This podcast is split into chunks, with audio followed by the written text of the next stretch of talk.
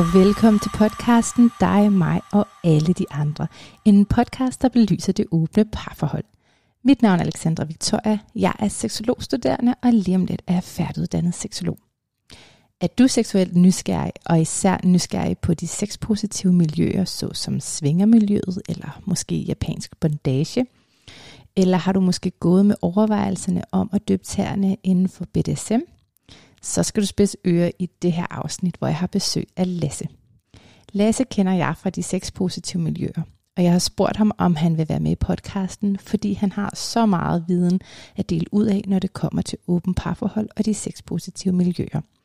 Han er nemlig en gavet mand med over 20 års erfaring bag sig i svingermiljøet, og alt det deler han med os i podcasten. I det private, der har Lasse erfaring med både det monogame og med det åbne ægteskab. Han har en historik, der rummer alt fra monogamiets lidt trætte bagside og utroskab til den ultimative frihed i sit åbne ægteskab.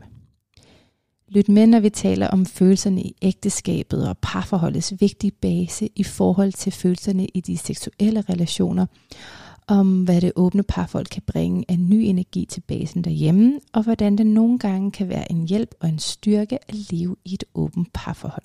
Når du har lyttet til podcastafsnittet, må du meget gerne gå ind og bedømme og følge podcasten via den app, du lytter fra. Du er også meget velkommen til at stille spørgsmål.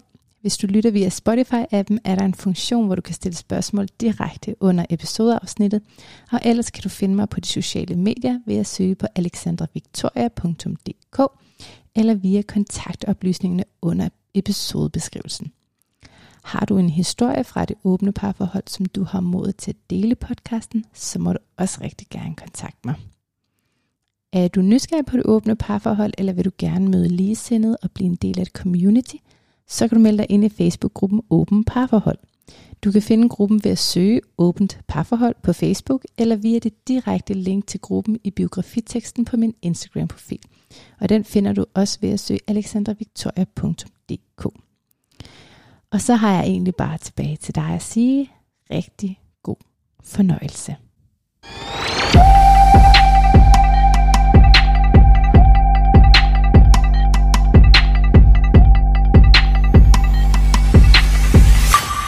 Hej Lasse, og velkommen til. Hej. Tak. Ta- tak fordi du vil være med. Det vil jeg rigtig gerne. Det her det er faktisk første gang, jeg har nogen med i podcasten, jeg kender. Ja, Alle andre har været vildt fremmede. det er lidt spændende. Det synes jeg faktisk også. Øhm, også fordi jeg kender jo noget af din historie.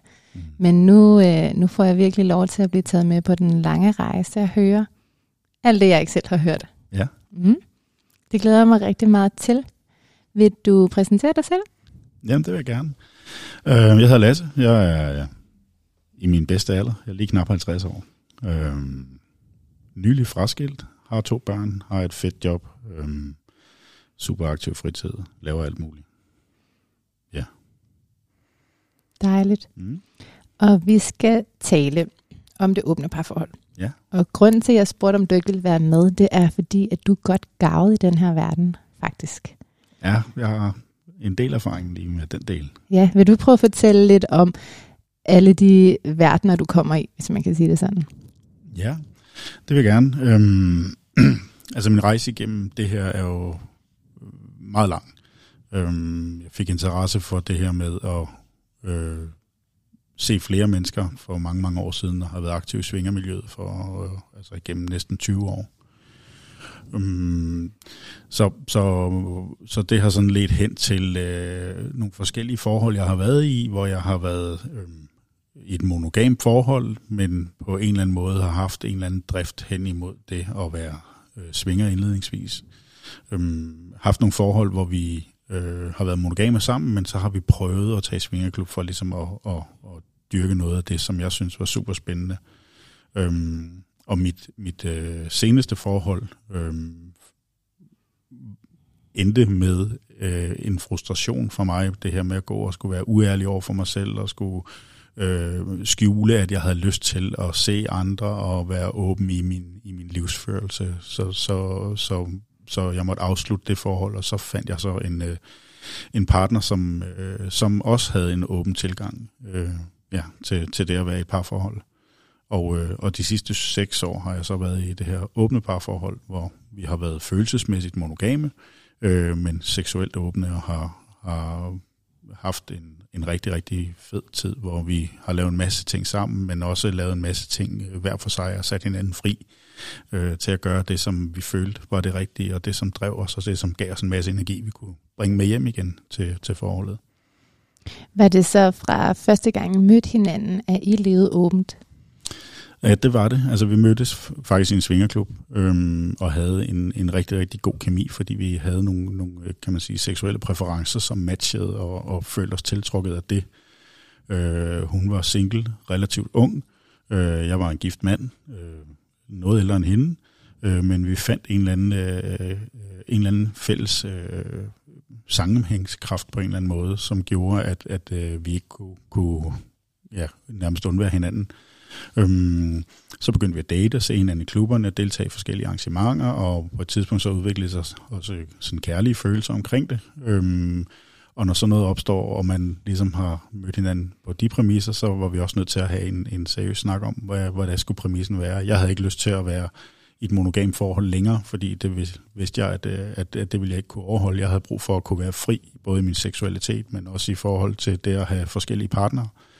Øhm, jeg ville kunne være ærlig over for mig selv, og jeg ville kunne gøre det, uden at jeg skulle rende og, og, og føle, at jeg løg over for mig selv og min partner. Øhm, og, og hun havde sådan set de samme præmisser i forhold til at skulle indgå i en, i en, i en relation. Så, så præmissen for vores forhold, det var faktisk, at det skulle være åbent fra start af. Så altså, I mødte hinanden i en svingerklub.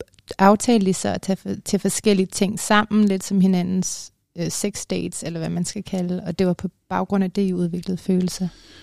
Ja, altså vi deltog i nogle, nogle fælles arrangementer, som indledningsvis som hun faciliterede, som, som jeg deltog i, og, og øh, ja, og så, så fik vi det her gode øje til hinanden, fordi at vi var seksuelt meget øh, aktive og havde rigtig, rigtig mange interesser og kunne matche hinandens øh, lyst og behov øh, inden for mange af de der ting, som, som man ellers normalt skal have forskellige partner for at få imødekommet.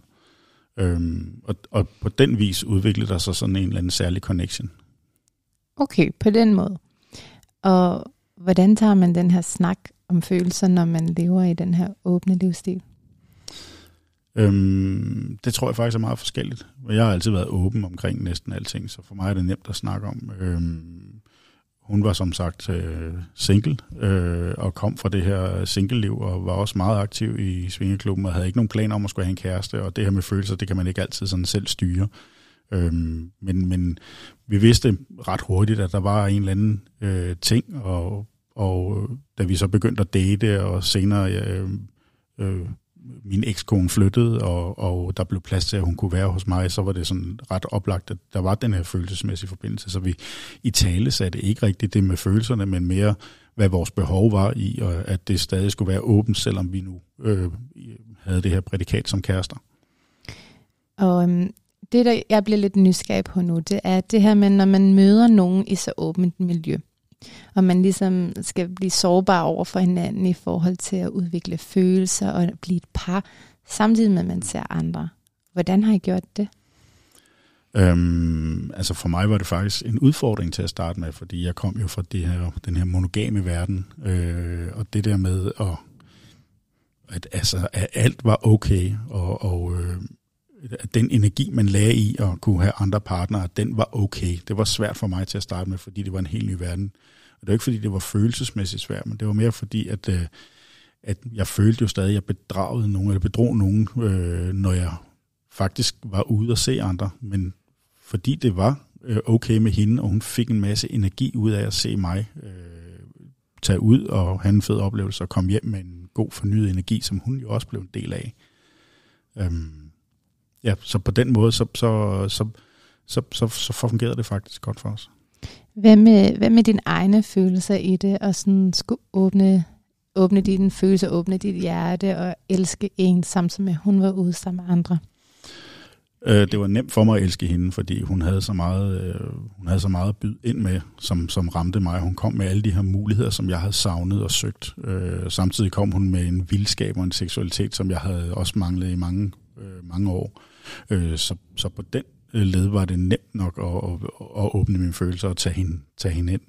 Øh, det, der var svært for mig i starten, det var, det var det der med at se, at hun også øh, var aktiv og tog ud, og kunne ikke sådan kvantificere, hvor meget behov hun havde. Det skulle være frit, og det var jeg ikke sådan vant til. Det var noget nyt for mig. Øhm, så for mig var det sådan en, øh, en, en manøvre at skulle lære mig selv, at det var okay, at hun tog ud. Fordi med tiden oplevede jeg jo, at hun kom hjem glad og kærlig, øh, og havde de her oplevelser med hjem og overfusede øh, mig med en masse kærlighed og taknemmelighed og, og anerkendelse, når vi nu havde de her muligheder i vores forhold. Så hvad gjorde du for at lære det? Øhm, en masse snakke, både med hende, men i virkeligheden også med, med, altså med en terapeut omkring, hvordan håndterer man de her følelser, hvad er det, der gør ondt, hvordan er det, at tingene bliver ubehagelige, øh, må det gerne være det, øh, prøve at få noget, noget viden omkring, hvad er det, der sker inde i min krop, øh, når der sker de her ting, og få nogle gode værktøjer til at, at få det håndteret. Vil du prøve at sætte ord på, hvad for nogle følelser det er, og hvad for nogle værktøjer du så faktisk fik? Ja, altså, øh, typisk så handlede det om en, en, sådan en, en slags ondt i maven. Øh, jeg fik en eller anden knude i maven, som jeg ikke helt vidste, hvad jeg skulle gøre ved. Øh, jeg har altid været sådan en type, der skulle fikse ting. Det, alt skulle være i orden, og jeg skulle være, have styr på mig selv og sådan noget. Men, men jeg lærte, at det faktisk var okay at have det svært. Altså, at, at øhm, det er naturligt, at, at der, der er noget, der er ubehageligt, men det gør ikke, at det er forkert. Øhm, og på den måde, så, så, så lærte jeg sådan set, at, at det var okay at have det svært, og det var i virkeligheden ens betydende med, at jeg elskede hende.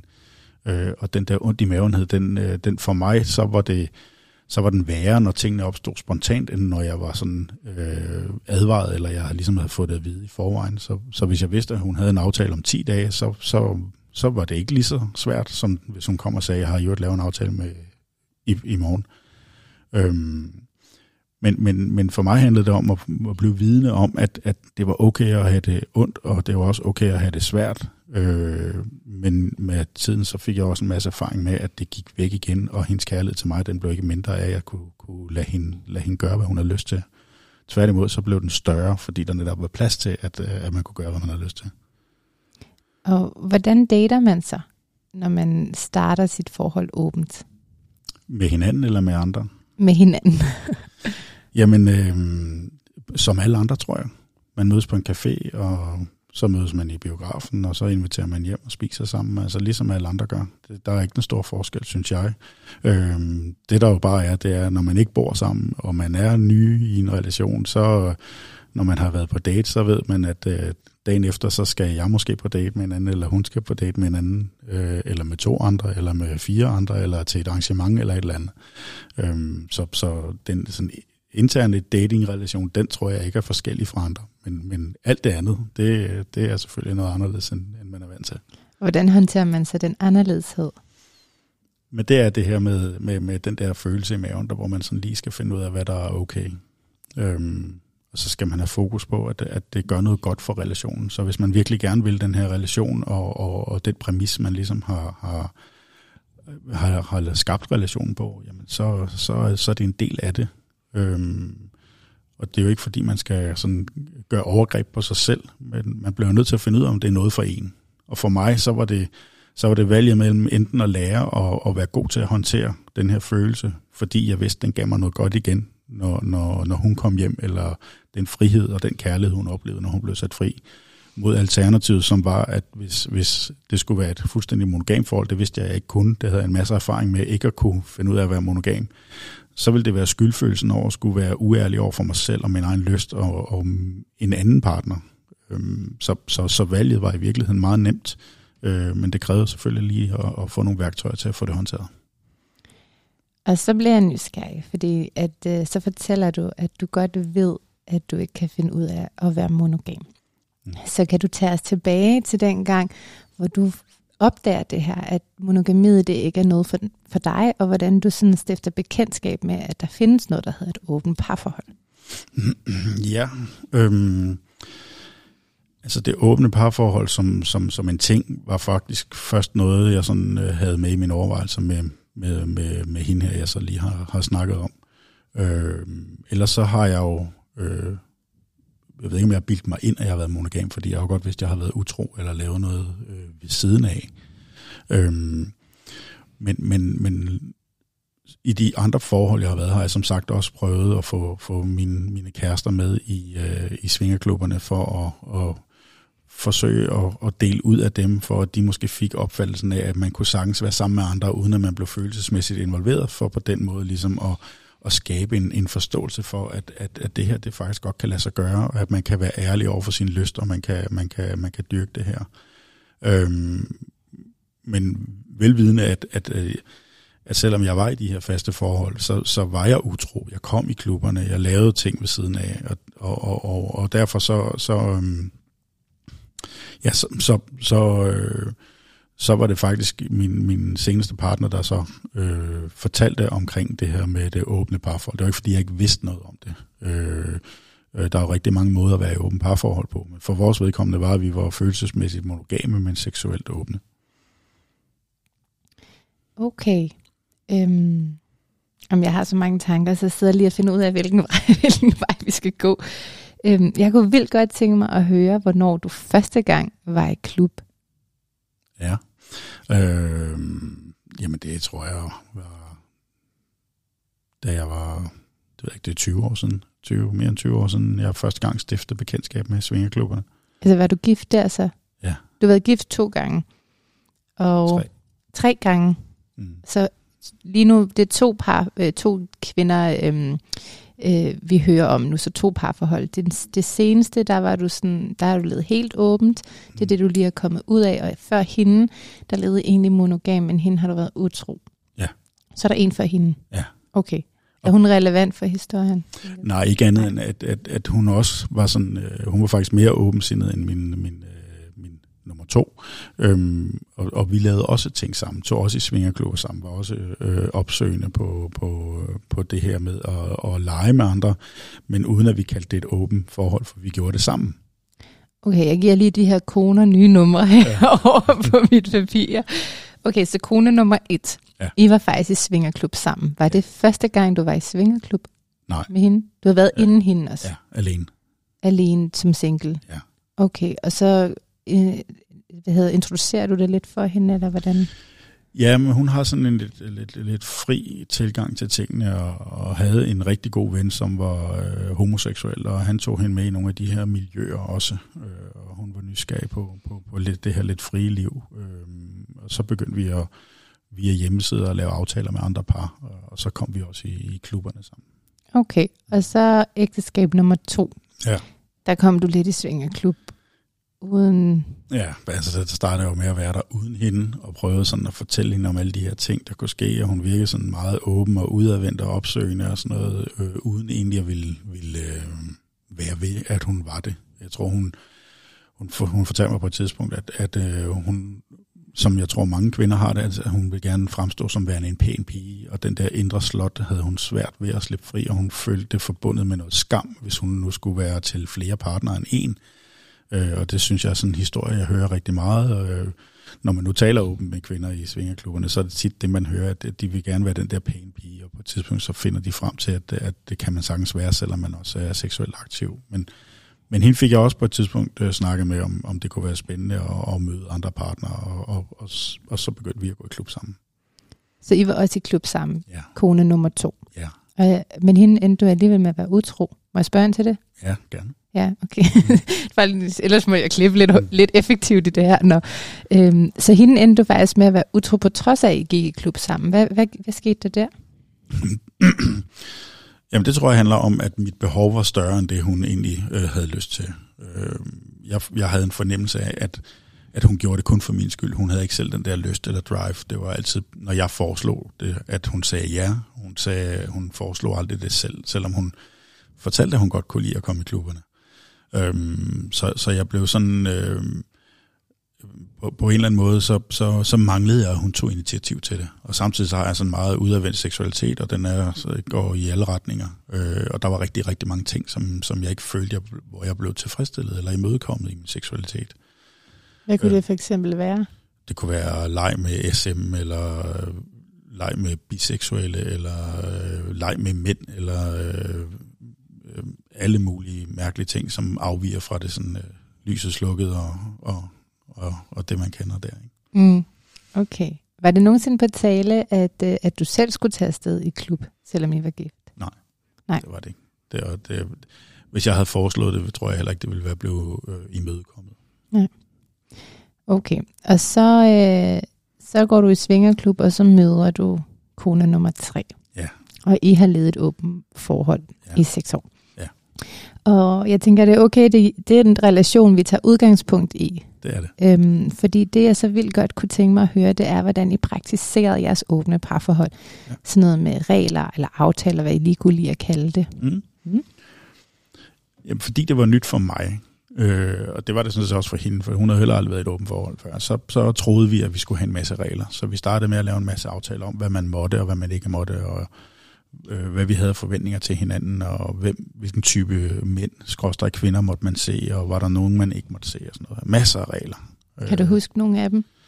Øhm, ja, altså, der var alle de her standardregler med, at man så skulle altid bruge kondomer, vi måtte ikke sove hjemme hos nogen, og vi måtte ikke knalde hjemme hos nogen privat, og, og øh, øhm, det måtte ikke tage for lang tid, og øh, jeg, jeg kan faktisk ikke huske dem, fordi ret hurtigt blev vi enige om, at det her med regler, det gjorde det bare svært, kompliceret og uliderligt, og det, der skulle give os energi, det endte med at dræne os øh, for energi, fordi der var så mange ting, vi skulle holde øje med. Øhm, så ret hurtigt så fandt vi frem til, at, at, øh, at, at, øh, at det var fedt, at der ikke var nogen regler. Der var ikke noget, der hed veto. Øh, så vi har faktisk levet hele vores åbne forhold med, at man kunne ikke sige nej. Altså man kunne ikke sige, kræve af den anden, at man ikke gjorde det. Øh, så jeg kunne ikke sige til hende, det må du ikke. Det vi aftalte, det var, at man kunne give udtryk for, hvordan man havde det følelsesmæssigt ved, at den ene skulle noget. Og så er det den andens ansvar at tage hensyn til det. Øh, det vil sige, hvis jeg havde det dårligt med, at hun skulle se øh, Svend Bent, fordi ham havde hun set fem gange, og hun kom altid hjem med gul og blå, når hun havde leget med ham. Jeg siger, hvis jeg havde det dårligt, det havde jeg ikke. Øh, så kunne jeg sige, prøv at høre, når du skal lege med ham, eller du skal i den klub med ham, så, øh, så skal du bare vide, at så, så, så er det svært for mig. Så kunne hun så beslutte, om hun ville eller hun ikke vil. Kan vi tale ind i den der veto, for eksempel? Ja. Øhm, har du måske et eksempel, hvor, hvor det har været aktuelt, at en af jer har udtrykt jeres følelser, og den anden så har kunnet tage stilling, så vi lige kan tage lytterne med ind på sådan en rejse i, hvordan veto fungerede, eller så faktisk ikke fungerede hjemme hos jer. Ja, ja, ja det kan vi godt. Øhm, jeg begyndte på et tidspunkt at, at, at, at lege rigtig meget med, med ræb og en del med BDSM øh, i, en, i en ret øh, i en ikke almindelig øh, grad på en eller anden måde. Og, og, og, og den type af leg havde jeg også med min eks til at starte med, men på grund af nogle udfordringer, så, så, øh, så var det ikke længere muligt. Øh, men jeg havde det der drive, og jeg havde den der lyst, og det vil sige, jeg, jeg øh, skabte nogle relationer til nogle kvinder, hvor, hvor øh, jeg kunne give dem det, jeg havde brug for øh, at give, og jeg kunne så få det af dem, som, som jeg havde brug for at få i ræbe- eller BDSM-relationer. Og hvad var det? Øhm, jamen, jeg kan ikke sådan rigtig sætte, øh, beskrive, hvad det, hvad, det, hvad det var, men, men det var bare den der energi og, og, og, og kan man sige, connection, der opstår i de her lege. Altså det, det, for mig handler alt det seksuelle om det der, man skaber, når man har legene sammen. Øhm, og, og, og, og det følte hun så, at, at det gik hun lidt glip af på en eller anden måde, fordi hun ikke kunne, kunne være med på det samme. Øh, og der, det medfølte sådan en, en form for usikkerhed, som, som så byggede sig op. Jo mere jeg så de her kvinder, øh, specielt når det var de samme, og udviklede den her relation, så blev det sværere og sværere for hende at give mig fri i, i at være i den relation. Øh, og der har jo været tilfælde, hvor, hvor, hvor man kan sige, hvor, hvor, hvor hun har givet så meget udtryk for øh, usikkerhed, eller, eller at hun har været udfordret af, at jeg har set nogle af de her øh, kvinder fast, øh, at, at jeg har været nødt til at hensyn til hende og hensyn til ægteskabet, og så, så øh, afbryde de her øh, forbindelser til de kvinder, jeg. Øhm, ja.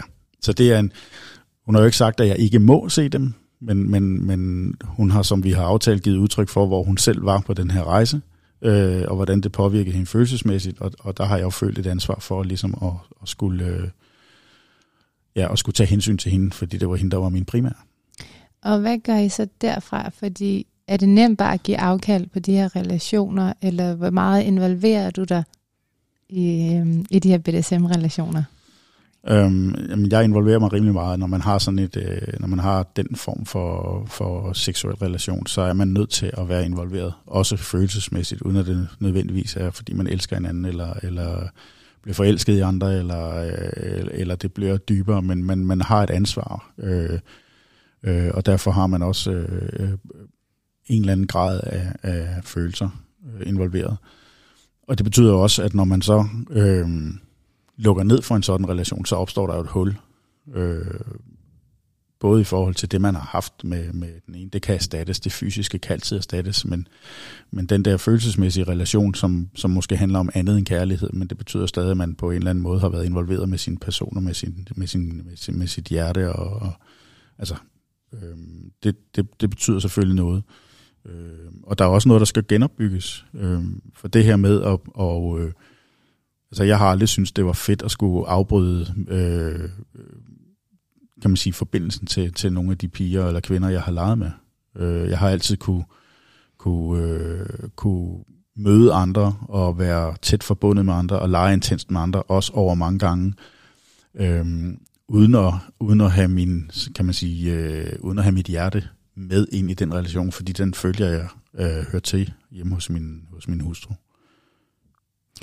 Jeg, øh, jeg har lyst til lige at bruge din ekspertviden omkring de her BDSM-relationer, inden vi kommer tilbage, fordi nu kender jeg dig jo, så jeg ved jo godt, at det er en verden, du har færdes rigtig meget i. Så er det okay, at vi lige snakker ind der, og lige graver dybt i din hjerne af det, du ved? Ja. ja. Til at starte med, så kunne jeg godt tænke mig, om du vil prøve at... Øhm, øhm, nu tager vi lige det mest aktuelle emne, og det er det her med følelser. Hvad er forskellen på følelserne i en BDSM-relation og følelserne i dit ægteskab? Fordi følelser er jo mange ting. Man kan også føle sig sulten, det er jo også en følelse.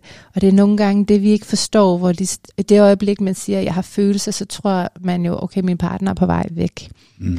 Og følelser, det er jo ekstremt nuanceret. Der er så mange nuancer i det, som vi skal have med. Ja. Så kunne du måske sådan prøve at beskrive, hvilke følelser det er, der flyder i sådan en BDSM-relation? Uh, jeg vil gerne prøve. Altså, mm. det, er jo sådan, det er jo virkelig, uh, for det første er det meget individuelt, tror jeg.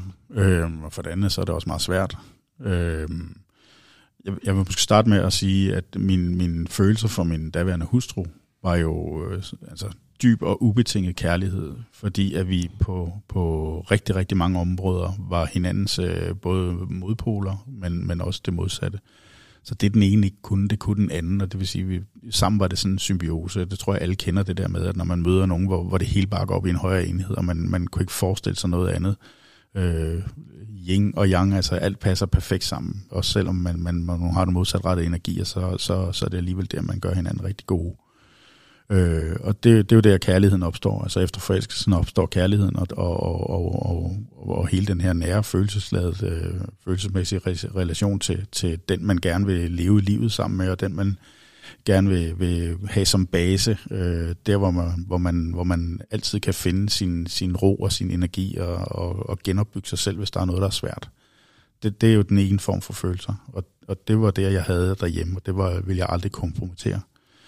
Og så er, der, så er der de følelser, der opstår med de her lidt øh, nære relationer, som opstår. Fordi øh, man, man kan jo ikke involvere sig, eller det, det er i hvert fald min tese, at man kan ikke involvere sig så dybt med mennesker, uden at man investerer en eller anden grad af sig selv. Og, og, og de kvinder, jeg har leget med, som, hvor, det, hvor, det, altså, hvor det har været hardcore BDSM, øh, nogle gange øh, med, med pisk, så det bløder, og og nogle gange øh, er de blevet delt ud af og blev, øh, altså været med til at lave arrangerede voldtægter, og, altså nogle virkelig hardcore BDSM-leje. Så det er jo ikke fordi, at, at øh, jeg samtidig skal skabe den samme base med de her kvinder. Men, men, men, men der opstår en eller anden form for connection, hvor, hvor, hvor, hvor de giver mig noget, som jeg har brug for. Der opstår et bånd imellem mig og, og, og de her kvinder øh, på det seksuelle plan, øh, i forhold til, at jeg kan give dem det, de har brug for, at de kan give mig det modspil øh, og, og fylde mig op med, med, med det, jeg har lyst til. Og det er jo ikke fordi, at jeg går rundt og har lyst til at, at, at slå kvinder til fordav, men, men jeg har lyst til at give dem det, de har behov for. Mm. Og dermed opstår der den her energi. Og, og, og, og, og jeg, jeg synes, at, at i, i halen på, på, på den energi, der opstår, der, der åbner man sig op for hinanden. Fordi man kan ikke, Øh, man kan ikke øh, jeg mener ikke, man kan, man kan, man kan være øh, man kan dyrke så hård sex, altså så hård en, en, en, følelses, øh, en fysisk kontakt, uden at man samtidig også øh, øh, besidder en, en, en grad af omsorg, som man er i stand til at samle det her op igen. Fordi man, man påvirker jo de her mennesker. Og, og, og det, det er jo også en følelse. Altså det er jo også nogle følelser, der opstår. Det er, også, øh, det er også en form for kærlighed. Det er bare en anden type, fordi det er jo ikke der, jeg skal have min base. Det er ikke der, hvor jeg finder trøst, og det er ikke der, hvor jeg genopbygger mig selv, når tingene bliver svære. Men det er der, hvor jeg, hvor jeg måske får fyldt noget af det op, som jeg, som, som jeg måske mangler et andet sted i forhold til det seksuelle. Og det er i virkeligheden det samme også med, med, med det her med at binde. Altså, hvis man har behov for at binde et eller andet vanvittigt, eller et eller andet nært, eller, eller noget andet. Øh, men hvis, hvis, hvis øh, i ræb opstår der jo også en eller anden øh, relation. Øh, og så er det afhængigt af, hvordan man binder, fordi inden for ræb er der jo også øh, både sadister og, og andet, men, men jeg, jeg kan godt lide det nærværende, jeg kan godt lide det kropslige, jeg kan godt lide meget hudkontakt, jeg har ikke så meget behov for at være et røvhul, når jeg, når jeg binder. Øh, der er mere kærlig og, og, og, øh, og, og følsom øh, i virkeligheden. Øhm, men der opstår jo også noget, og, og kvinderne kan blive taget hen i et space, hvor de giver slip og, og, og, og, og, og øhm, ja, hvor, de, hvor de i virkeligheden øh, også involverer sig på, på, på et helt andet plan øh, og mister kontrollen. Og der skal man også være i stand til at kunne gribe dem. Og, og det kræver jo, at, at, at jeg, hvis jeg skal tage hensyn til dem og gribe dem i den her øh, position, at, at jeg på en eller anden måde kender dem, og på en eller anden måde investerer noget af mig selv. Så, så, så for at vende tilbage til det, du spurgte om, altså, hvad er det for nogle følelser, man altså, i, på det ene sted i forhold til det andet sted, så, så basen, det er sådan de helt grundlæggende kærlige kærlighedsfølelser, og, og det som jeg tror, de fleste kender fra, fra det helt almindelige liv, og så, så er det bare nogle andre ting, der er i spil øh, i de her seksuelle relationer, specielt når de bliver, bliver hårde. Tak for at forklare det. Jeg tænker, om du lige vil uddybe det med reb hvis, at, øh, hvis man nu slet ikke kender noget til det her med at binde i ræb, så kan det være meget abstrakt at forestille sig, hvad det egentlig er, og hvordan det foregår. Vil du mm. fortælle lidt om, om det? Mm, ja. ja, det vil jeg jo gerne. Øhm, hvor skal jeg næsten starte? Fordi det her med ræb, det er jo, det er jo, altså det er jo lige så forskelligt altid, som, som det at dyrke sex. Altså, nogle gør det med lyset slukket, og nogle har lyset tændt, og nogle gør det bagfra, og nogle gør det på en anden måde. Altså vi kan øhm. måske starte med at sige, hvis man gerne vil finde mere omkring det her, så kan man jo søge på kinbaku eller shibari eller japansk bondage. Ja.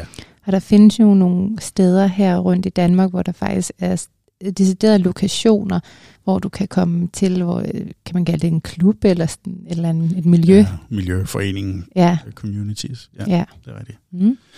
Men, men Altså, øh, japansk bondage er jo, kan man sige, på en eller anden måde en del af BDSM-paletten, øh, øh, hvor den så bare er andet, end du får et reb rundt om dig, eller du får en kæde rundt om dig, og bliver spændt fast til et eller andet, eller du bliver hejst op i et eller andet.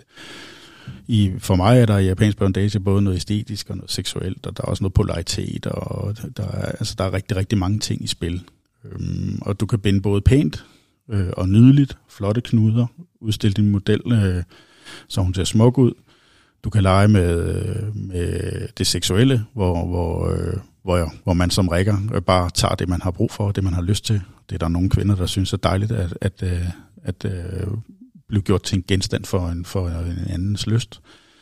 Øhm, og så er der også noget, der er nogen, der kalder det tantriske ræb. Det har ikke noget med tantra at gøre, men det, hvor det sådan er meget nærværende og, og øh, meget kropsnært og sådan noget. Det, øh, så, så der er rigtig, rigtig mange dele af det. Øh, helt grundlæggende så kommer det japanske bondage jo fra, fra øh, ja, Japan sjovt nok, men, men det handler om, at, øh, at, at kvinderne skal tages til fange, og så skal de misbruges. Øh, og det har man så forfinet og arbejdet hen i og, og, og gør det til sådan en, en, en stil, og det er jo så den stil, der lever bedst til velgående, faktisk endnu bedre i Vesten, end den gør i Japan i dag. Men, men øh, det, handler om den her fixering. Der er mange kvinder, der udtrykker, at de bliver faktisk sat fri af at blive fixeret. Øh, og, øh, altså det her med at blive, blive øh, når, man, når man bliver bundet, så, så bliver man jo fixeret. Nogle bliver hængt op, andre bliver bundet på gulvet. Man arbejder med skam. Øh, man kan øh, mod kvindens vilje, altså i gåsøjne, sprede hendes ben, øh, blot hendes køn, øh, blot hendes bryster, øh, øh udstilling over for andre, og det kan man gøre på en super raffineret måde, som både er smuk og intens og meget intim, og øh, man kan også øh, binde hende, så hun, øh, eller han, fordi der bliver også bundet mænd, øh, øh, er hængt op med blottet køn, og så kan man knalde dem, mens de hænger af ræb. Øh, man kan binde dem, så de hænger med hovedet ned og stikke penge ind i munden på dem. Øh, man, altså man kan bruge det her ræb på rigtig, rigtig mange måder. Øhm, og det, det har så mange facetter, øh, så det er sådan virkelig op til, altså også folk, der ikke er til BDSM, kan have noget af at, at binde ræb, fordi det åbner op for en, for en ny og for mange ukendt energi, og det er sådan lidt sådan, enten så er man til det, og når man får prøvet det, så vil man bare have mere, eller så finder man ud af, at det var ikke noget for mig. Fordi der er også noget smerte forbundet med det. Der er også øh, der er mange, der har svært med at slippe kontrollen. Øh, og det, det kræver altså, at man som, som rebmodel kan, kan, kan slippe kontrollen. Øh, ja, så, så der er rigtig, rigtig mange dele af det her med reb. Og hvis nu man har siddet her og lyttet til dig fortælle om alt det her, og tænker, wow, det lyder spændende, både BDSM og relationerne og reb. Har du så nogle gode råd til, hvordan man kan træde ind i den her verden? Ja, altså der er jo i alle de her subkulturer og communities, er der jo mulighed for som nye at komme ind øh, på åbne dage, hvor man ikke er tvunget til at skulle øh, være ligesom alle de andre. Øh, og os, der er i, i de her miljøer, fortæller jo rigtig gerne om det. Øh, Klubberne har åbne dage, hvor man kan komme ind og høre om det. Øh, man kan søge en masse viden på nettet. De fleste af klubberne har også øh, hjemmesider, hvor man, hvor man, kan, øh, hvor man kan læse og høre om det her. Øh, for rebemiljøets vilkommende, så er det jo så er det jo sådan ligesom øh, sådan en fætter kusinefest, hvor, hvor, hvor alle snakker åbent. Der er sociale aftener, og, og når man ikke øh, er sammen med sin model eller, eller sin rækker og er ude at binde, så, så snakker folk altså sammen, ligesom hvis man var på en café. Øh, og det er også min erfaring, at, at det er det samme, der gør sig gældende for, for, øh, for BDSM-miljøet. Altså øh, folk, der kommer i de her miljøer, er super åbne omkring det, og meget snaksalige, og og, og, øh, og hilser alle velkomne, der gerne vil høre om det. Øh, men man kan jo aldrig, man kan jo aldrig øh, fortælle, om man er til det eller ej, før man sådan har prøvet, og før man har hørt lidt om det, før man har set stemningen og mærket, hvad det er for en energi, der bliver sluppet fri i de her steder. Så hvis man er nysgerrig omkring det, så skal man opsøge nogle af de her miljøer. Altså i København er der både øh, rebmiljøer, der er også BDSM-miljøer, øh, Smil og det sorte selskab og, og forskellige andre klubber. Øh, så er der fetisfesterne, hvor der er sådan en god smeltedil af alt, øh, hvor man også kan få et indblik i. Altså, der er jo masser af muligheder, hvis man er nysgerrig på, på, på de her ting. Så hvor skal man gå hen, hvis man ikke kender de her klubber? Mm, altså, hvis man er nysgerrig på ræb, så vil jeg i hvert fald synes, at man skulle tage på en åben aften i noget, der hedder Kinbaku Lounge, øh, som jo er sådan en ret etableret øh, community i København. Øh, der findes også... Øh, der findes også klubber i, øh, i Jylland, øh, og på Fyn. Måske, det kan jeg ikke huske. Øh, men der er muligheder for at opsøge det her, og det, altså, der findes oceaner og grupper på Facebook og på nettet, hvor, hvor man kan, øh, hvor man kan, kan, kan komme. Øh, jeg ved, at Smil har introaftener, altså Smil er den her SM-klub, øh, som også er landsdækkende. Øh, og der synes jeg også, man skal, hvis man er nysgerrig på det her, så henvende sig og høre om det. Øh, så findes der jo øh, Facebook for kinky mennesker, noget der hedder FetLife, altså hvor man kan melde sig ind, oprette en profil og så søge på, på, på nogle af de her forskellige ting, som man synes er spændende. Øh, der er rigtig, rigtig mange muligheder. Så et par gange i den her podcast, så er websiden, eller hvad man kalder det, skor.dk blevet nævnt. Ja. Så den nye, du så nævner, det hedder FetLife, og nu kan jeg faktisk ikke huske, om det er .com. Øh, ja, ja. ja, ikke? .com, det, det, er en, der, det er en lidt international side. Du finder, finder mange øh, nationaliteter derinde. Det er en stor side. Ja, men der er også, øh, der er også danskergrupper derinde, og der er, altså, hvis man er til det ene eller til det andet, så kan man bare søge. Der er en masse grupper. Jeg ved, altså, der er mange millioner brugere. Øh, og hvis det handler om at, at spare og finde erfaring og, og finde inspiration og sådan noget, så ligger der 10 milliarder billeder derinde. Øh, der er en masse profiler, man kan skrive med, og folk er faktisk åbne. Der er selvfølgelig også nogle idioter. Øh, det er der alle steder. Men, men igen, i den her verden, der er der også rigtig, rigtig mange åbne mennesker, som, som, som gerne vil fortælle om deres øh, oplevelser og erfaringer. Så hvis vi lige opsummerer i den her BDSM-ræb-verden, så kan man tage, hvis man er fra København, til Kimbago Lounge i Valby. De har nogle åbne arrangementer. Øhm, og de har en hjemmeside, den kan man søge frem på Google. Så kan man tage i Smil, og det ligger både i København, og det ligger også i Jylland. Jeg mener vi også, der er en i Aarhus. Jeg mener faktisk også, der er en i Nordjylland. Øh, men det kan man altså søge på. Er det så også Jylland, begge ting, du Ja, siger? Google ved Øh, alt. Ja, og så nævnte du det sorte selskab. Øhm, så der er lidt forskellige ting, man kan tage til, og er man nysgerrig vil gerne dyppe tæerne hjemme fra stuen, så kan man oprette en profil på FetLife, og ligesom øh, stille og roligt søge rundt i de her miljøer. Ja, jeg tror faktisk også, der er sorte grupper på skor. Øh, Det er mange år siden, jeg har været på skor, Okay, men jeg ja. mener faktisk også, der er nogle, der er nogle, der er de her subgrupper alle steder. Og så øh, vær flittig med søgeordene på Facebook, for der findes andet end Facebook Marketplace og sådan, øh, forældregrupper inde på Facebook. Der findes nogle, nogle hæftige grupper, man også kan blive medlem af. Ja. Mm. Godt, så nåede vi lige igennem det. Det var spændende. Tak, fordi du lige ville dele din viden derfra. Mm. Øhm, så, øh, så kunne jeg godt tænke mig at komme tilbage til sådan helt opsættet af de regler, I jo så havde i jeres par, parforhold. Vi tog virkelig lidt af en omvej lige nu. Ja. Øhm, men jeg kunne ikke lige lade være at spørge, når nu jeg ved, du ved, ved så meget om det. Øh, du siger, at I lever ret frit, det her Ja. med, at I hurtigt slettede alle reglerne. Øhm, det, det er mit, sådan, de scenarier, der så kører i mit hoved, det er sådan, hvordan gør I så? Altså, kan man bare sige, Nå, men jeg smutter det onsdag aften, jeg skal noget, eller hvad med familiemiddag, og du har børn, siger du, hvordan er konstellationen omkring dem? Vil du prøve at uddybe, hvordan I sådan lever frit? Ja. Altså, det, det som vi gjorde, vi, vi fandt hurtigt ud af, at det var federe at være forberedt, end at blive taget på det spontane. Øh, der skulle stadig være plads til det spontane, men, men det var faktisk meget fedt for os begge to, det der med, hvis man lige vidste nogle dage i forvejen. Øh, så jeg kunne komme øh, hjem og så sige, hey, jeg har lige øh, lavet en aftale med Johanne, øh, og vi skal ses på fredag. Og så var det bare okay. Eller hun kom og sagde, jeg har lavet en aftale med Simon på næste torsdag. Og så var det sådan. Øhm, og så øh, til at starte med, jeg havde ikke behov for at vide, hvad hun lavede.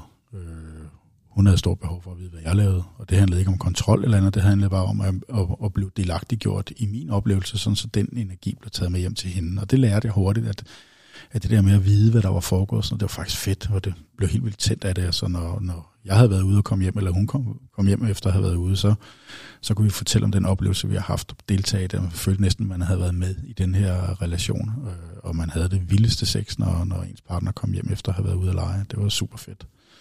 Øh, men, men vi kom sådan set bare... Øh, vi, vi oprettede ikke aftaler i vores fælles kalender, uden at man havde fortalt om det. Så det skulle ikke være sådan, at man lige opdagede, at nu hov, nogen står, hvad fanden handler det om? Øh, og vi aftalte også, at vi sådan tog, tog hensyn til hinanden, hvis vi skulle noget sammen. Men, men vi gjorde så også det, vi tog jo også i klubberne sammen. Vi arrangerede også arrangementer hjemme sammen. Øh, vi holdt kinky fester sammen, og vi tog os altså, til, til forskellige ting sammen. Øhm, og, så- og så med tiden, så, så, øh, så, så lærte vi også, at det er en god idé at, at prioritere noget tid sammen til andet end det her. Altså man afsat tid i sin kalender til at gøre ting sammen, fordi ellers så, så vi havde sådan en tendens til, så blev der meget fokus på det der med at skulle ud og lege, og ikke så meget med, til det der med at skulle date. Så datesene blev afløst af, af kink og leg. Øh, men det er vigtigt, at man husker hinanden. Øhm, flere gange har vi sådan været i nogle forløb, hvor vi sådan er blevet bekræftet i, at hvis ikke der er ro på basen, så, så er det også svært at, at skabe den der rummelighed i forhold til det der med at tage ud. Så man skal huske også at, at dyrke hinanden og være gode for hinanden og være hinandens øh, primære partner, øh, også når tingene bliver svære. Vil du Øh, prøve at uddybe det der med basen og rummelighed? Vores erfaring var, at, at øh, altså mænd og kvinder er jo forskellige.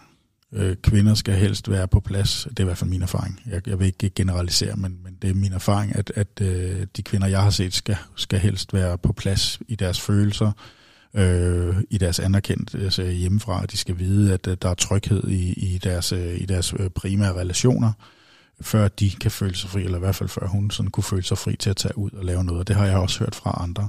Hvem er til, at du kunne tage ud og lave noget? Er det det samme? Skulle hun også? Ja, altså hun, hun havde svære ved det, når vi ikke sådan var connected. Ja. Øhm, men hun ville ikke sige, at jeg ikke måtte. Mm. Hun kunne fortælle, at hun havde det svært for tiden, og vi skulle bruge noget mere energi på at finde hinanden. Og så på, på mandesiden, der, der mænd er jo ikke så afhængige af, at det følelsesmæssigt er på plads, fordi for os, så tror jeg mere, det handler om et behov. Øh, og for mig personligt var det i hvert fald sådan, at, at når vi sådan var glædet lidt fra hinanden, og, og, og det seksuelle for os internt blev svært, så, så kunne jeg få mit behov tilfredsstillet ved at tage ud og blive fyldt op af den energi. Den kunne jeg tage med hjem, og det gav mig overskud til at have fokus på det andet. Mm. Det vil sige sådan to modsatrettede energier, og man skal sådan virkelig passe på, fordi det kan være, en, en, det kan være sådan en fælde, man ryger ned i, øh, hvis ikke man har fokus på det. Ja, det er virkelig spændende. Jeg har lyst til at stille ret mange spørgsmål til det der. Jeg tænker lige heroppe i min hjerne. Fordi jeg synes, det er enormt spændende, hele, den her, øhm, hele det her tema med, at jeg tror, at alle parforhold kender, at man kan have en periode, hvor sexlivet det er udfordret, fordi at der er en masse følelsesmæssige tema, eller man har travlt, eller man har små børn, eller man har stress på arbejdet, eller et eller andet. I, I den her situation, jeg tror, at de fleste ved, hvis man endelig så har sex, så får man indhentet et overskud og en connection, der gør, at man kan rumme de her samtaler meget mere. Man får virkelig øget sin kapacitet for at rumme følelser i det øjeblik, man har haft sex. Men alle dem, der ikke lever i et åbent parforhold, de har jo ikke lovligt mulighed for at hente sexen ude. Og det du så fortæller nu, det er faktisk, det var muligt for dig nogle gange i de her situationer, at ligesom gå ud og få det fysiske, dæk, det fysiske dækket, uden at der gik noget af hjemmefronten, men faktisk ja. hentede du et overskud ude, du kunne tage med hjem, og så... Ja. Er det rigtigt forstået? Ja, det er det. Mm? Fordi for mig var det sådan en fysisk behov, der ikke var, var i balance, og det kunne jeg tage ud og, og, og få bragt i balance ude. Og i og med det så kom i balance, så opstod der en eller anden øh, energioverskud, jeg kunne tage med hjem. Øh, og, og, og dermed, øh, i stedet for at være frustreret over, at vi ikke havde sex hjemme, så, så, så var det behov stillet, og så kunne jeg have fokus på nogle andre ting. Og det er også sådan, at, at øh, den sex, jeg havde så havde med min, øh, med min hustru, det var, øh, altså, den kunne godt være markant anderledes end det, jeg legede ude. Sådan, så når jeg var ude, så var det for at, at lege vildt og vanvittigt. Øh, ikke alt det her øh, kærlige. Men, men det sex, vi havde hjemme, kunne sagtens være sådan helt stille og roligt. Kun lige missionæren, øh, masser af kys og berøringer og sådan noget. Og, og, og tit så var det sådan meget mere intenst og meget mere givende og meget mere følelsesladet og øh, nogle voldsomme orgasmer og nogle øh, øh, helt absurde øh, på den fede måde øh, følelsesmæssige udbrud efter sex, og altså alt det der med at græde og, og falde sammen og komme sammen og sådan noget. Altså, altså selvom det bare er helt stille og roligt, så, så, så giver det bare meget mere end, end det der behovsdækning ude. Så, så det, er, altså, det er jo virkelig kompliceret også. Ja, og det er så dybt på så mange punkter. Ikke? Altså, jeg synes, det er så fint beskrevet, det der med, at det, det er vildt og fedt og nice behov ude. Det kan virkelig også meget. For tit, du startede helt med at sige det her med, at I komplementerer hinanden og hinandens modsætninger. Og tit, når man så går ud, så, så møder man nogen, der er lidt ligesom en selv.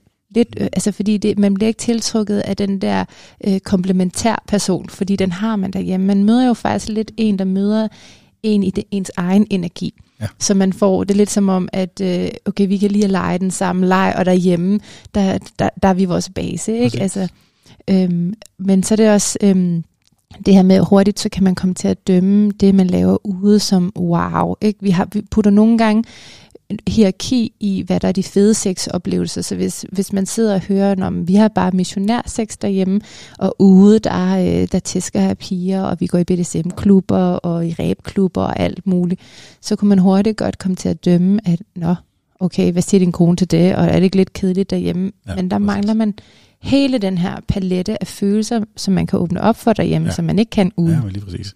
Altså, jeg har altid sagt, at det bedste sex, det er faktisk det, som vi havde derhjemme. Også selvom det var helt stille og roligt. Fordi det var så intenst og energisk og nærværende. Øhm, og der er der sådan en tendens til, det kan det også være ude, men, men, men sådan det der med også, øh, også med øh, alt det kærlige, der er involveret, altså hele kærligheden og hele det her med, at øh, når man har sex hjemme, selvom det er, hvad det, selvom det også er en stille aften, så, så dyrker man jo sin base. Man dyrker helt, alt det der, som, som, som man samskaber. Øh, og alt det, der er hele fundamentet til, at man kan gøre alle de andre ting, det er jo det, der sådan virkelig bliver piloteret, når man, når man, øh, når man formår at finde det her sammen øh, på hjemmebanen. Så øh, når nu det var så frit her, øh, med, øh, med at lave aftaler. Og så fortalte du, at til at starte med, så spørger I ikke så meget om, hvad I laver, men så begyndte I at dele lidt mere. Hvordan var det at komme hjem? Var der noget særligt, I gjorde for at modtage hinanden, når den ene kom hjem, eller hvad der for den, der havde været hjemme? Altså vores aftale var, at, at øh, det var altid den, der var hjemme, der skulle spørge. Det var ikke den, der kom hjem, som bare skulle begynde at bralle op, hvad man havde lavet. Øh, fordi hvis der nu var en, der havde det svært, og så man kom hjem og blev overfuset af alt det fede, den anden lige havde oplevet, så, så ville man måske puste til en ild, der ikke var nødvendigt. Øh. Så, så aftalen var, at, at øh, når man havde overskud, så, så kunne man spørge ind, og det havde vi altid. Øh, og det der med at komme hjem og finde sin partner, som ofte så legede vi jo om aftenen, og så kommer man hjem, og den anden er sandsynligvis gået i seng, men, men men så vågnede vi om natten, og så snakkede vi om, hvad der var sket, og delte, delte de der ting sammen. Det gav en masse fed, øh, fed energi. Var det aldrig nogensinde svært for den, der var hjemme? Jo, det var det. Vil du uddybe det? Og men det, det handler lidt om det, vi snakker om også øh, til at starte med. Der, for det første så var det det der med knuden i maven, men, men sandsynligheden for, at knuden i maven, den var der, øh, var jo større, jo mindre vi var connected. Mm. Så hvis ikke man sørger for at være connected på sin hjemmebane, så, så, så, så er sandsynligheden for, at det er svært større. Øhm, og så er det jo individuelt, hvad man synes, der er svært. Altså hvis man har et problem med, at hun ser den samme mand 10 gange i træk, eller øhm, hvis han bare er sådan en stor græsk gud, eller han har en kæmpe pæk, eller øh, han kan give hende noget, som jeg ikke kan, eller, øh, så, så er det jo klart, så føler man sig på en eller anden måde kompromitteret, hvis man tænker traditionelt. Og det kan også komme over en til at starte med, men så er man nødt til at overbevise sig selv og sin rationelle hjerne om, at det slet ikke er det, det handler om. Det handler jo, handler jo virkelig om noget helt andet. Øhm, og alle de der følelser, der opstår, de, de er jo oftest begrundet i sin egen usikkerhed. Og jeg har jo tit sagt, jamen prøv at høre, uanset hvad hun tager ud og laver, så kommer hun hjem til mig, fordi det er mig, hun elsker, og det er mig, hun har basen sammen med. Øhm, og, og det, hun gør ude, det er sådan set bare at, at få noget fornyet energi til vores relation. Er der så det her, den her type livsstil, I lever, hvem deler I dem med? Altså, ved jeres børn det, ved jeres forældre det, venner? Øhm, altså, mine børn er 10 og 15 år. Så, så den lille ved selvfølgelig ikke noget. Øhm, den store øh, har på et tidspunkt øh, spurgt ind til øh, nogle ting, hvor vi bare har sagt, jamen vi har sådan et, et, et, et forhold, hvor vi, det hedder et åbent forhold, øh, den store vidste godt, hvad det var, øh, og, men at vi ikke skulle have andre kærester, og at basen ikke var troet, øh, og vi elskede hinanden, øh, men, men at vi godt kunne, kunne, kunne se andre mennesker. Vi fortalte selvfølgelig ikke om sex og, og hvad vi lavede og sådan noget, men bare det der med, at man kunne være åben og, og, og se andre mennesker, det, det var faktisk noget, den store selv bragte på banen, fordi at, at, øh, at det var interessant. Øh, vores familie, øh, jeg har haft det sådan, at hvis de spørger, så får de svar. Mm. Så hvis de har spurgt mig direkte, hvor har jeg mødt hinanden, så vil jeg sige, at vi har mødt hinanden i Svingerklub. Øh, hvis de spørger, hvordan øh, er jeres forhold, så vil jeg så fortælle om, vi har åbent forhold, men jeg har ikke behov for at gå ud og fortælle andre. Jeg har simpelthen respekt for, at de måske havde de ikke behov for at høre om det. Så, så dem, der har spurgt, de har fået svar. Det er der ikke særlig mange, der har spurgt om. Alle vores venner vidste det.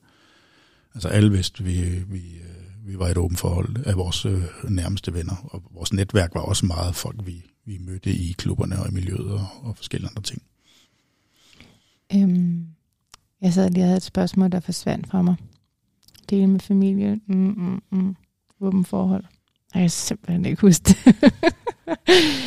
øhm, er der andet, du tænker, du lige har lyst til at dele omkring hele det her åben forholdshalløj? Altså, man, man skal selvfølgelig... Øh, altså, altså, jeg synes, man skal gøre det. Fordi det, det er, altså, der er mange, der tror det her med, Nå, men så i et åbent forhold, så kan man bare gøre, hvad man har lyst til, og så er det bare pisse nemt det hele, og øh, ej, hvor må det være fantastisk. Ja, det er det. Men nemt, det er det ikke. Altså, når man er i et åbent forhold, så har man øh, de udfordringer, der følger med at være i et åbent forhold, og så kan man lige lægge dem oven i alle de andre udfordringer, som man har, når man er i et fuldstændig monogam forhold.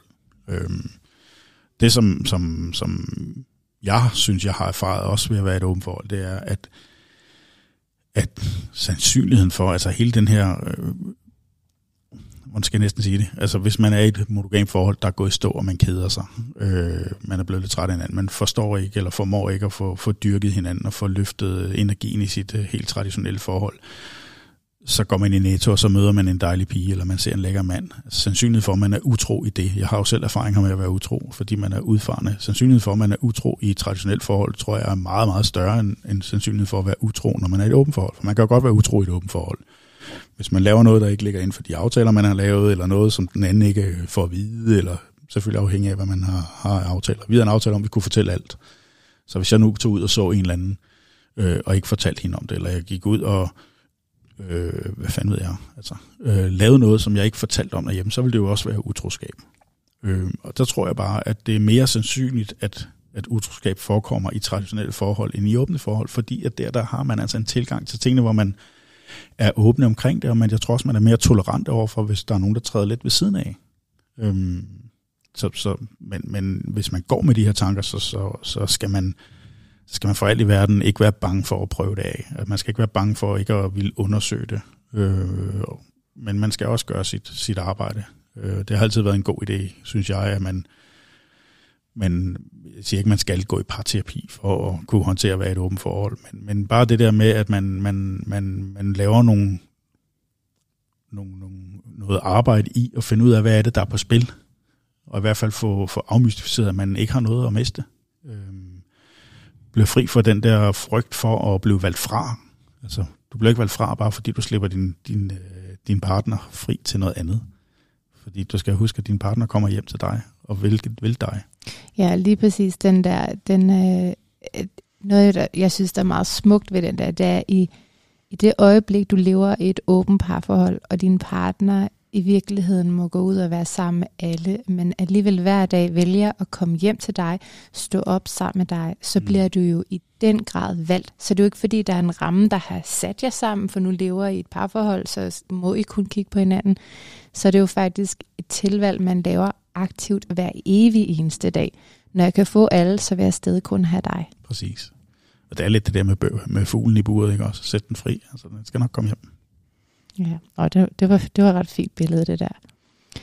Så kunne jeg godt tænke mig at høre, hvad giver det dig at være et åbent parforhold?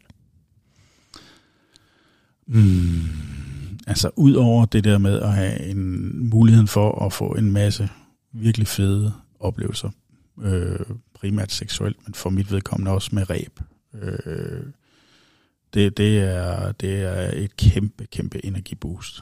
Men for mig også det der med at øh, ikke føle, at jeg er tvunget til at, og, øh, at skulle være hjemme, hvis ikke jeg har lyst til det. Altså det der med at have fri til at gøre, øh, hvad man har lyst til, inden for, for, for den respekt, der nu er. Og når man er i et åbent parforhold, så er det jo ikke kun det seksuelle, der er åbent, eller det, det følelsesmæssige, der er åbent, eller hvad for en type åbent parforhold man nu er i. Der er også en tendens, synes jeg, til, at man er mere rummelig over for hinanden. Altså, fordi hvis man, hvis man, hvis man er åben i sin tilgang til, til det med sex, som alle virkelig forbinder med at være det mest afgørende. Altså, øh, der er jo rigtig, rigtig mange øh, ting og kriser, der opstår på baggrund af sex. Altså, en, der har været utro til en julefrokost eller et eller andet. Altså, for helvede, det er bare sex. Men hvis man har en åben tilgang til den del, så er det også min tese, at så er man også mere rummelig og tolerant over for alt muligt andet øh, i, i livet generelt. Øh, og det vil sige, at man har de bedre muligheder for at skabe nogle rammer, som, som, øh, hvor, man, hvor, hvor man har en større tolerance over for hinanden. Øh, kan sætte hinanden fri i andet end bare det seksuelle.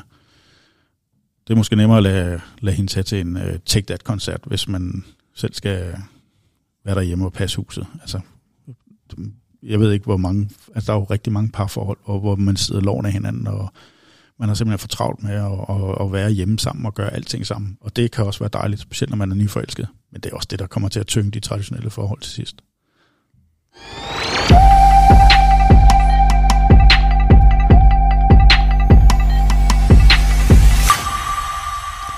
Nå, men oven på den her virkelig spændende fortælling, Lasse, så kunne jeg godt tænke mig at høre, om du vil dele nogle af dine oplevelser. Jeg forestiller mig, at du har en del, så jeg kunne godt tænke mig at høre lidt om de bedste og lidt om de værste, og hvorfor det var de bedste og hvorfor det var de værste. Ja, altså, hmm, altså relation til sådan det åbne forhold. Og Nogle af alle de her ting, du har prøvet. Det kan ja, også bare være noget i en svingerklub, eller hvad du altså, har lavet. Øhm, jeg tror ikke, jeg kan sætte sådan en finger ned på, hvad har været den bedste oplevelse. Nej, det siger alle. De bedste oplevelser, fordi jeg har haft virkelig mange super, super fede oplevelser. For mig der handler det om at skabe noget energi sammen med andre. Øhm, og, og det er sådan faktisk næsten lige meget, om jeg møder en anden kvinde og leger med hende en til en, eller jeg er til en øh, privat fest, hvor, hvor, hvor det er sex på kryds og tværs, eller det er en svingerklub, hvor, hvor vi har været øh, 35 mennesker i et par rum, hvor, hvor, hvor ja, hvor alle bare har taget fat i hinanden. Altså det er nogle af de der, hvor når det hele er frit og, og, og, og ukompliceret og udramatisk, men bare lækkert og liderligt og vådt og saftigt og varmt og og der ikke er nogen fordom, der er ikke noget drama, der er ikke nogen, der er sure, der er ikke nogen, der er jaloux, der er ikke nogen, der, der har, har mørke følelser, men alle er bare åbne i deres person og i deres tilgang, og det synes jeg har været de, de fedeste oplevelser. Altså. Har du sådan et eksempel, du kan plukke ud? Altså vi har arrangeret nogle, nogle sådan ret hæftige arrangementer, både privat, men også i svingerklubberne, hvor vi, øh, hvor vi, øh, vi har blandt andet lavet sådan nogle arrangementer for biseksuelle par. Øh, og bisex i, i en svingerklub er sådan af en eller anden mærkelig grund stadig relativt tabu-belagt. Men, men har inviteret en masse af de her par til sådan en, en, en åben paraften i en, i en klub, øh, og lavet sådan en lille icebreaker game, hvor mændene skulle være blindet, og så skulle mændene så bare gøre, hvad kvinderne øh, havde lyst til, at de skulle gøre. Og, og øh, det endte simpelthen med, at, at, øh, at alt den der nervøsitet, den var væk fra start, fordi det var kvinder, der havde magten. Det var ligesom dem, der bestemte, hvem der skulle knalde med hvem, og hvem der skulle slikke hvem, og hvem der skulle gøre hvad med hvem. Øh, uden at mændene de havde nogen mulighed for sådan at, at, at, at føle, at de blev tabuiseret, fordi at deres kvinder synes, de skulle gøre noget, som de ikke måske selv var klar på. Og det skabte bare nogle, nogle øh, stemninger, hvor altså, det skabte bare et, et, en dynamik i blandt alle de her mennesker, så alle bare var åbne og fri, og det var ikke sådan med, ah, men ham der synes jeg er grim, eller hende der synes jeg øh, ser åndssvag ud, eller øh, altså alle var bare åbne og imødekommende. Og det, ja, det, det er faktisk det, jeg synes, der er fedt, den der fede, fede energi, når nu alle bare er lige, og alle er åbne og, og i deres tilgang, og der er ikke noget... Øh, øh, øh, snopperi omkring, at øh, stor pæk, lille pæk, lange patter, almindelige, nej, undskyld, øh, lange bryster, almindelige bryster, kort hår, langt hår, skæve tænder. Altså, der er ikke noget, fordi det, man, man kigger på noget helt andre ting, når man er i det der. Altså, alle mennesker er smukke. Øhm, og når man når dertil, når det er de øh, dynamikker, der opstår, så er det fandme lækkert. Det lyder også rigtig dejligt. Jeg elsker din sætning med, at alle mennesker er smukke, og det er så rigtigt. Og energi, det er fuldstændig ligegyldigt, hvilket hylster energi kommer af, fordi at det skinner bare ud igennem kroppen på det menneske. Ikke? Præcis. Så en anden kategori, hvis vi skal over i den værste oplevelse. Øhm, ja, altså der har ikke været særlig mange af dem, men det jeg synes så sådan er det aller værste, det er når der opstår øh, drama. Altså når der opstår øh, dårlig stemning. Når øh, altså sådan pis, altså når der opstår pjat og pis, altså når folk ikke er afklaret, når de træder ind i det her rum, hvor tingene skal være, skal være frie og åbne og lækre. Altså det modsatte af det, jeg faktisk lige fortalte om. Hvad kunne det for eksempel være? Et, et par, der ikke er afklaret, hvor der opstår jalousi, hvis øh, nogen ikke føler sig gode nok. Eller, øh, og jeg forstår godt følelsen, der opstår, men så tag den ud. Aftale, hvordan I kommer ud af det. Men det der med, at man ligger øh, øh, 10 mennesker sammen og, og, og, og har det godt, og så øh, en får øje på, at øh, en anden gør noget ved ens kone, som man ikke øh, lige var forberedt på, eller havde set komme, og så at, at dramaet eller løsningen skal håndteres der, hvor alle andre har det godt. Det, det, øh, det, har, det, det er faktisk de ting, som har påvirket mig mest i det her. Altså når ikke, når ikke man formår at, at tage problemerne væk fra, fra, fra, fra virkeligheden. Vi havde en aftale om, at hvis der var noget, vi syntes, der var træls, så sagde vi altid, at vi skal lige bare hen og vand. Fordi så kunne man gå væk fra der, hvor alle andre havde det godt. Øh, og det er sådan fuldstændig neutralt at sige, hey, vi skal lige, vi skal lige, vi er tørstige, vi skal lige have noget vand. Øh, og, og det har vi jo fortalt mange andre om. Altså den måde kan man komme ud over det, uden at nogen som helst opdager, at der er negativ energi. Men lige snart der er negativ energi, altså det forplanter sig. Det her med det frie og det åbne, sådan noget, for mig handler det rigtig, rigtig meget om energi. Jeg kan mærke mennesker på 10 meters afstand, hvis de har en åben og kærlig energi hvis de har en lidelig energi, eller hvis det, hvis det er noget, der tiltaler mig. Jeg kan mærke det på, på lang, lang afstand. Og tilsvarende, så kan man, hvis man ligger og har det godt, og selvom man ikke hverken ser eller hører nogen, der er i konflikt, men, men så kan man simpelthen mærke den udstråling, de har, og det dræber bare al lyst lige på stedet. Så, så det, det er nogle af de ting, der har været ufede. Så i jeres eget tilfælde, hvor I er gået i barn for fundet vand, har I kunnet formå at løse de svære følelser i barn? Kan man, kan man godt bare det? Ja. Ja, ja, det, det, det er det kort svar. Selvfølgelig er der også nogle ting, der er svære, og nogle gange så bliver det sådan en mellemvej, så går man lige i et privatrum og finder hinanden, og lige tjekker ind, og så finder ud af, hvad var det, der var svært, og fortalt talt ud om, hvorfor det var svært, om det stadig er svært, om det behøver at være svært. Og, og, og, øh, og ofte så ender det jo med, at øh, nå, det var jo ikke, det var i virkeligheden ikke sådan rigtig noget. Måske var det en misforståelse, og så er man, så er man på igen. Andre gange så har det været svært, og så har det oftest været nogle helt andre årsager. Typisk fordi man så ikke har været tjekket ind på forhånd, eller man ikke har haft styr på sin base på forhånd. Så kaster man sig ud i det her i et lidt desperat forsøg på at finde noget sammen, og så, så får man ikke skabt den der connection og energi. Så, så men, men, men ofte så, så, øhm, så handler det jo om misforståelser, altså usikkerhed. Øhm, du kan aldrig sådan plante din usikkerhed i andre. Det er noget, der opstår der hos dig selv. Og du, så kan det godt være, at, at det bare hjælper bare at give udtryk for den, eller få bekræftet, at det, det var der sådan set ikke noget i. Men jeg har også selv reageret på, på, på, på nogle af de her ting, hvor jeg tænkte, hold op, det, var, det synes jeg var mystisk. Der synes jeg, jeg gik glip af noget, eller fik en eller anden øh, kortvej følelse af jalousi, der lige skulle håndteres. Og så, når det er håndteret, så, så er man på igen. Hvordan håndterer du så det? I de, mange af de tilfælde handlede det, jo, handlede det jo for mig om at lige få, få, få en forklaring på, hvad var det, der skete. Altså, hvorfor var det, det der var så godt? Eller hvorfor var det, at, øh, at når jeg gør det der, så er det lort, og når, der, når andre gør det, så er det, så er det helt fantastisk. Er det, altså bare, spiller du bare, eller synes du, det var fedt, eller, eller hvor, hvor fanden er vi lige det? Og så får jeg en forklaring på det. Og så, nå okay, var det bare det? Og så, så er man på igen. Er det virkelig så simpelt?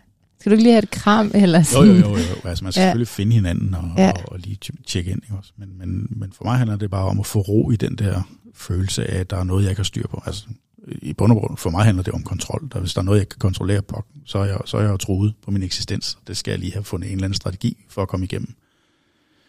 Men det ligger, det ligger tilbage. Altså, jeg synes, jeg har fået meget mere ro i at håndtere også de der svære følelser.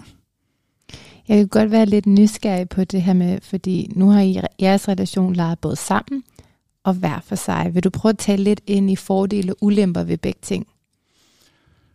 Mm, ja.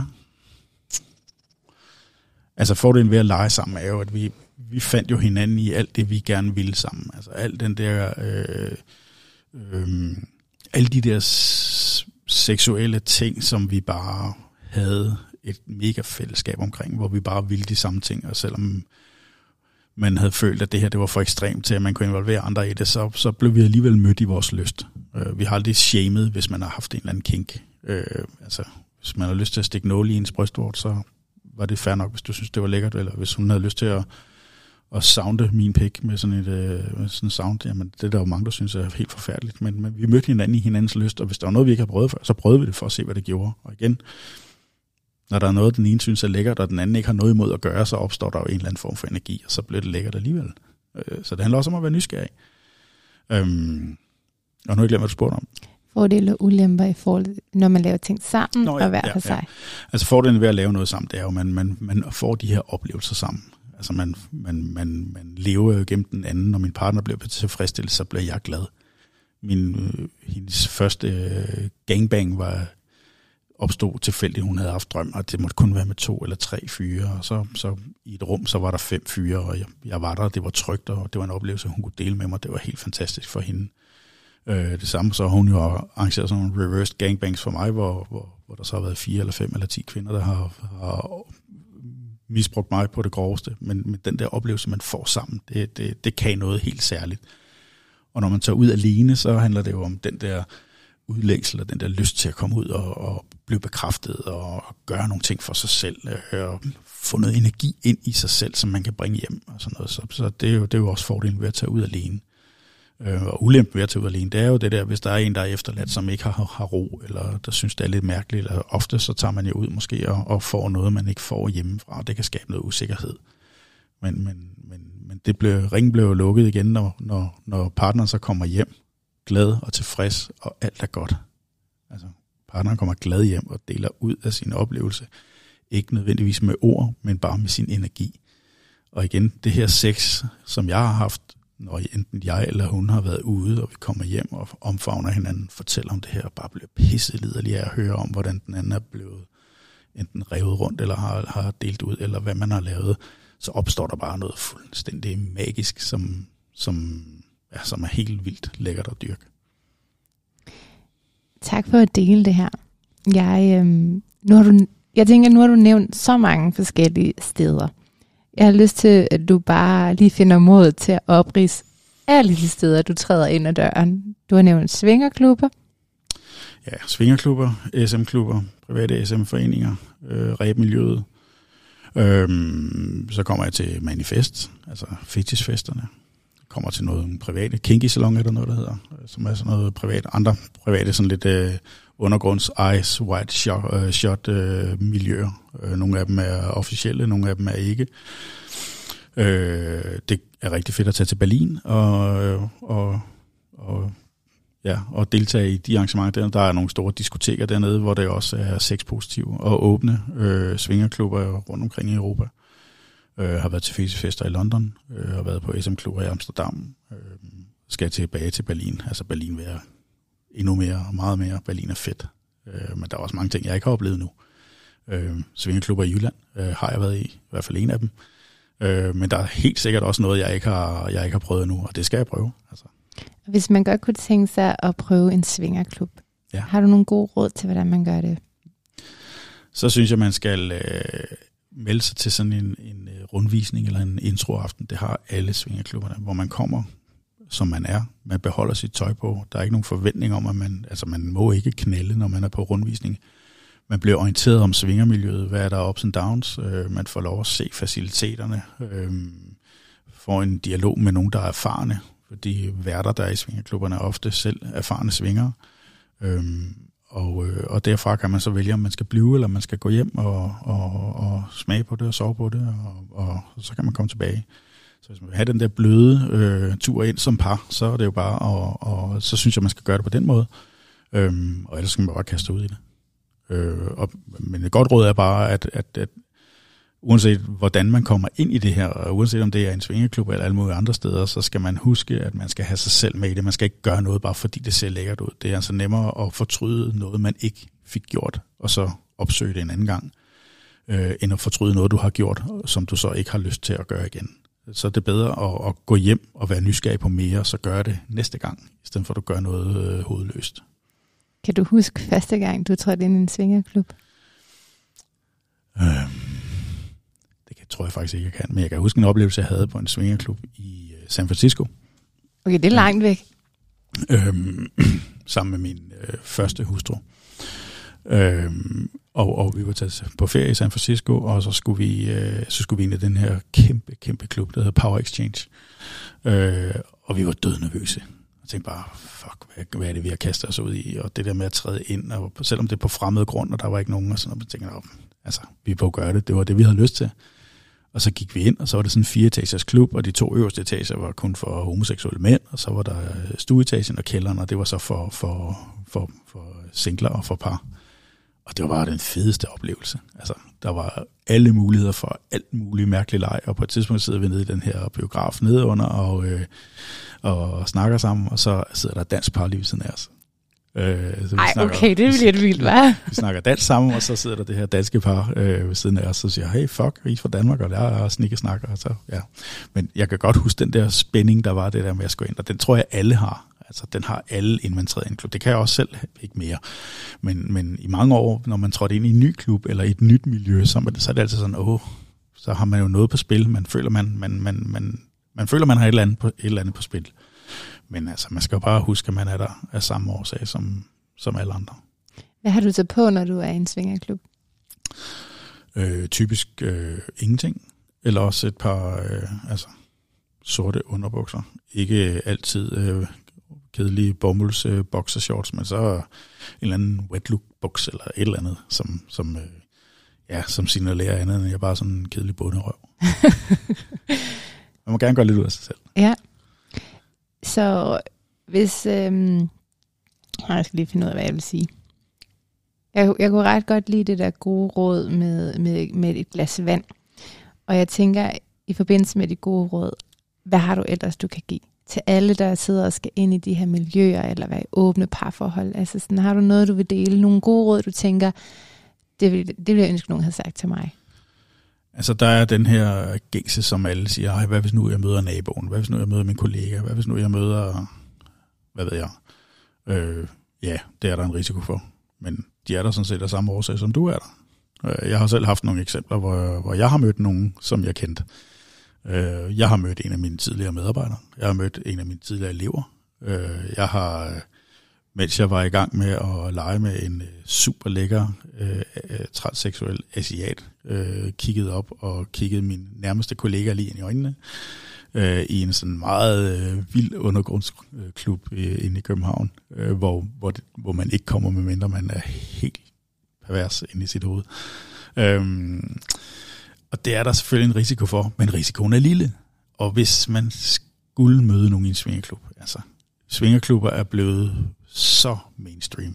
Det er alle, der har lysten til at opleve en svingerklub, eller komme i en svingerklub. Nu siger jeg alle, det er det selvfølgelig ikke, men, men det er blevet meget mere almindeligt accepteret, end det var for bare 5, 8, 10 år siden. Og skulle man nu møde nogen, som man kender det ene sted eller det andet sted, eller det er ens øh, søns øh, skoleklassekammerats forældre, eller hvad ved jeg, så skal man bare huske, de er der for det samme som jeg. Øh, og og øh, I behøver ikke at lave noget sammen med dem. I behøver sådan set ikke engang være i samme rum som dem. I kan bare opholde jer et andet sted. Og, og så gør I det, I skal, og de gør det, de skal. Og tænk, hvis nu I synes, at de var skide lækre, og det kunne ende med, at I kunne få en fed oplevelse sammen.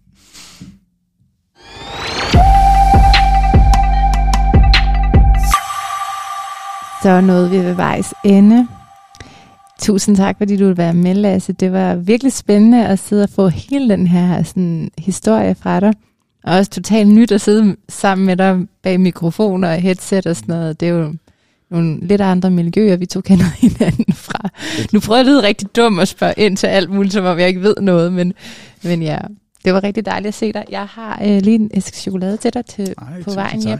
Og væltede vi nissen. Der er simpelthen pebernødder og nisser og kalenderlys ja, på, på det her bord, fordi det er trods alt december, og det er det forhåbentlig stadig, når det her afsnit kommer ud. Jeg skal lige tænke over, om jeg skal sige det i næste afsnit, for jeg har to, jeg skal nå at klippe inden det nye år. Så. Mm. Jamen, tak fordi jeg måtte være med. Jamen, vildt dejligt at se dig, vildt dejligt, du vil dele af det her. Selvfølgelig. Og så håber jeg, du kommer godt hjem. Tak.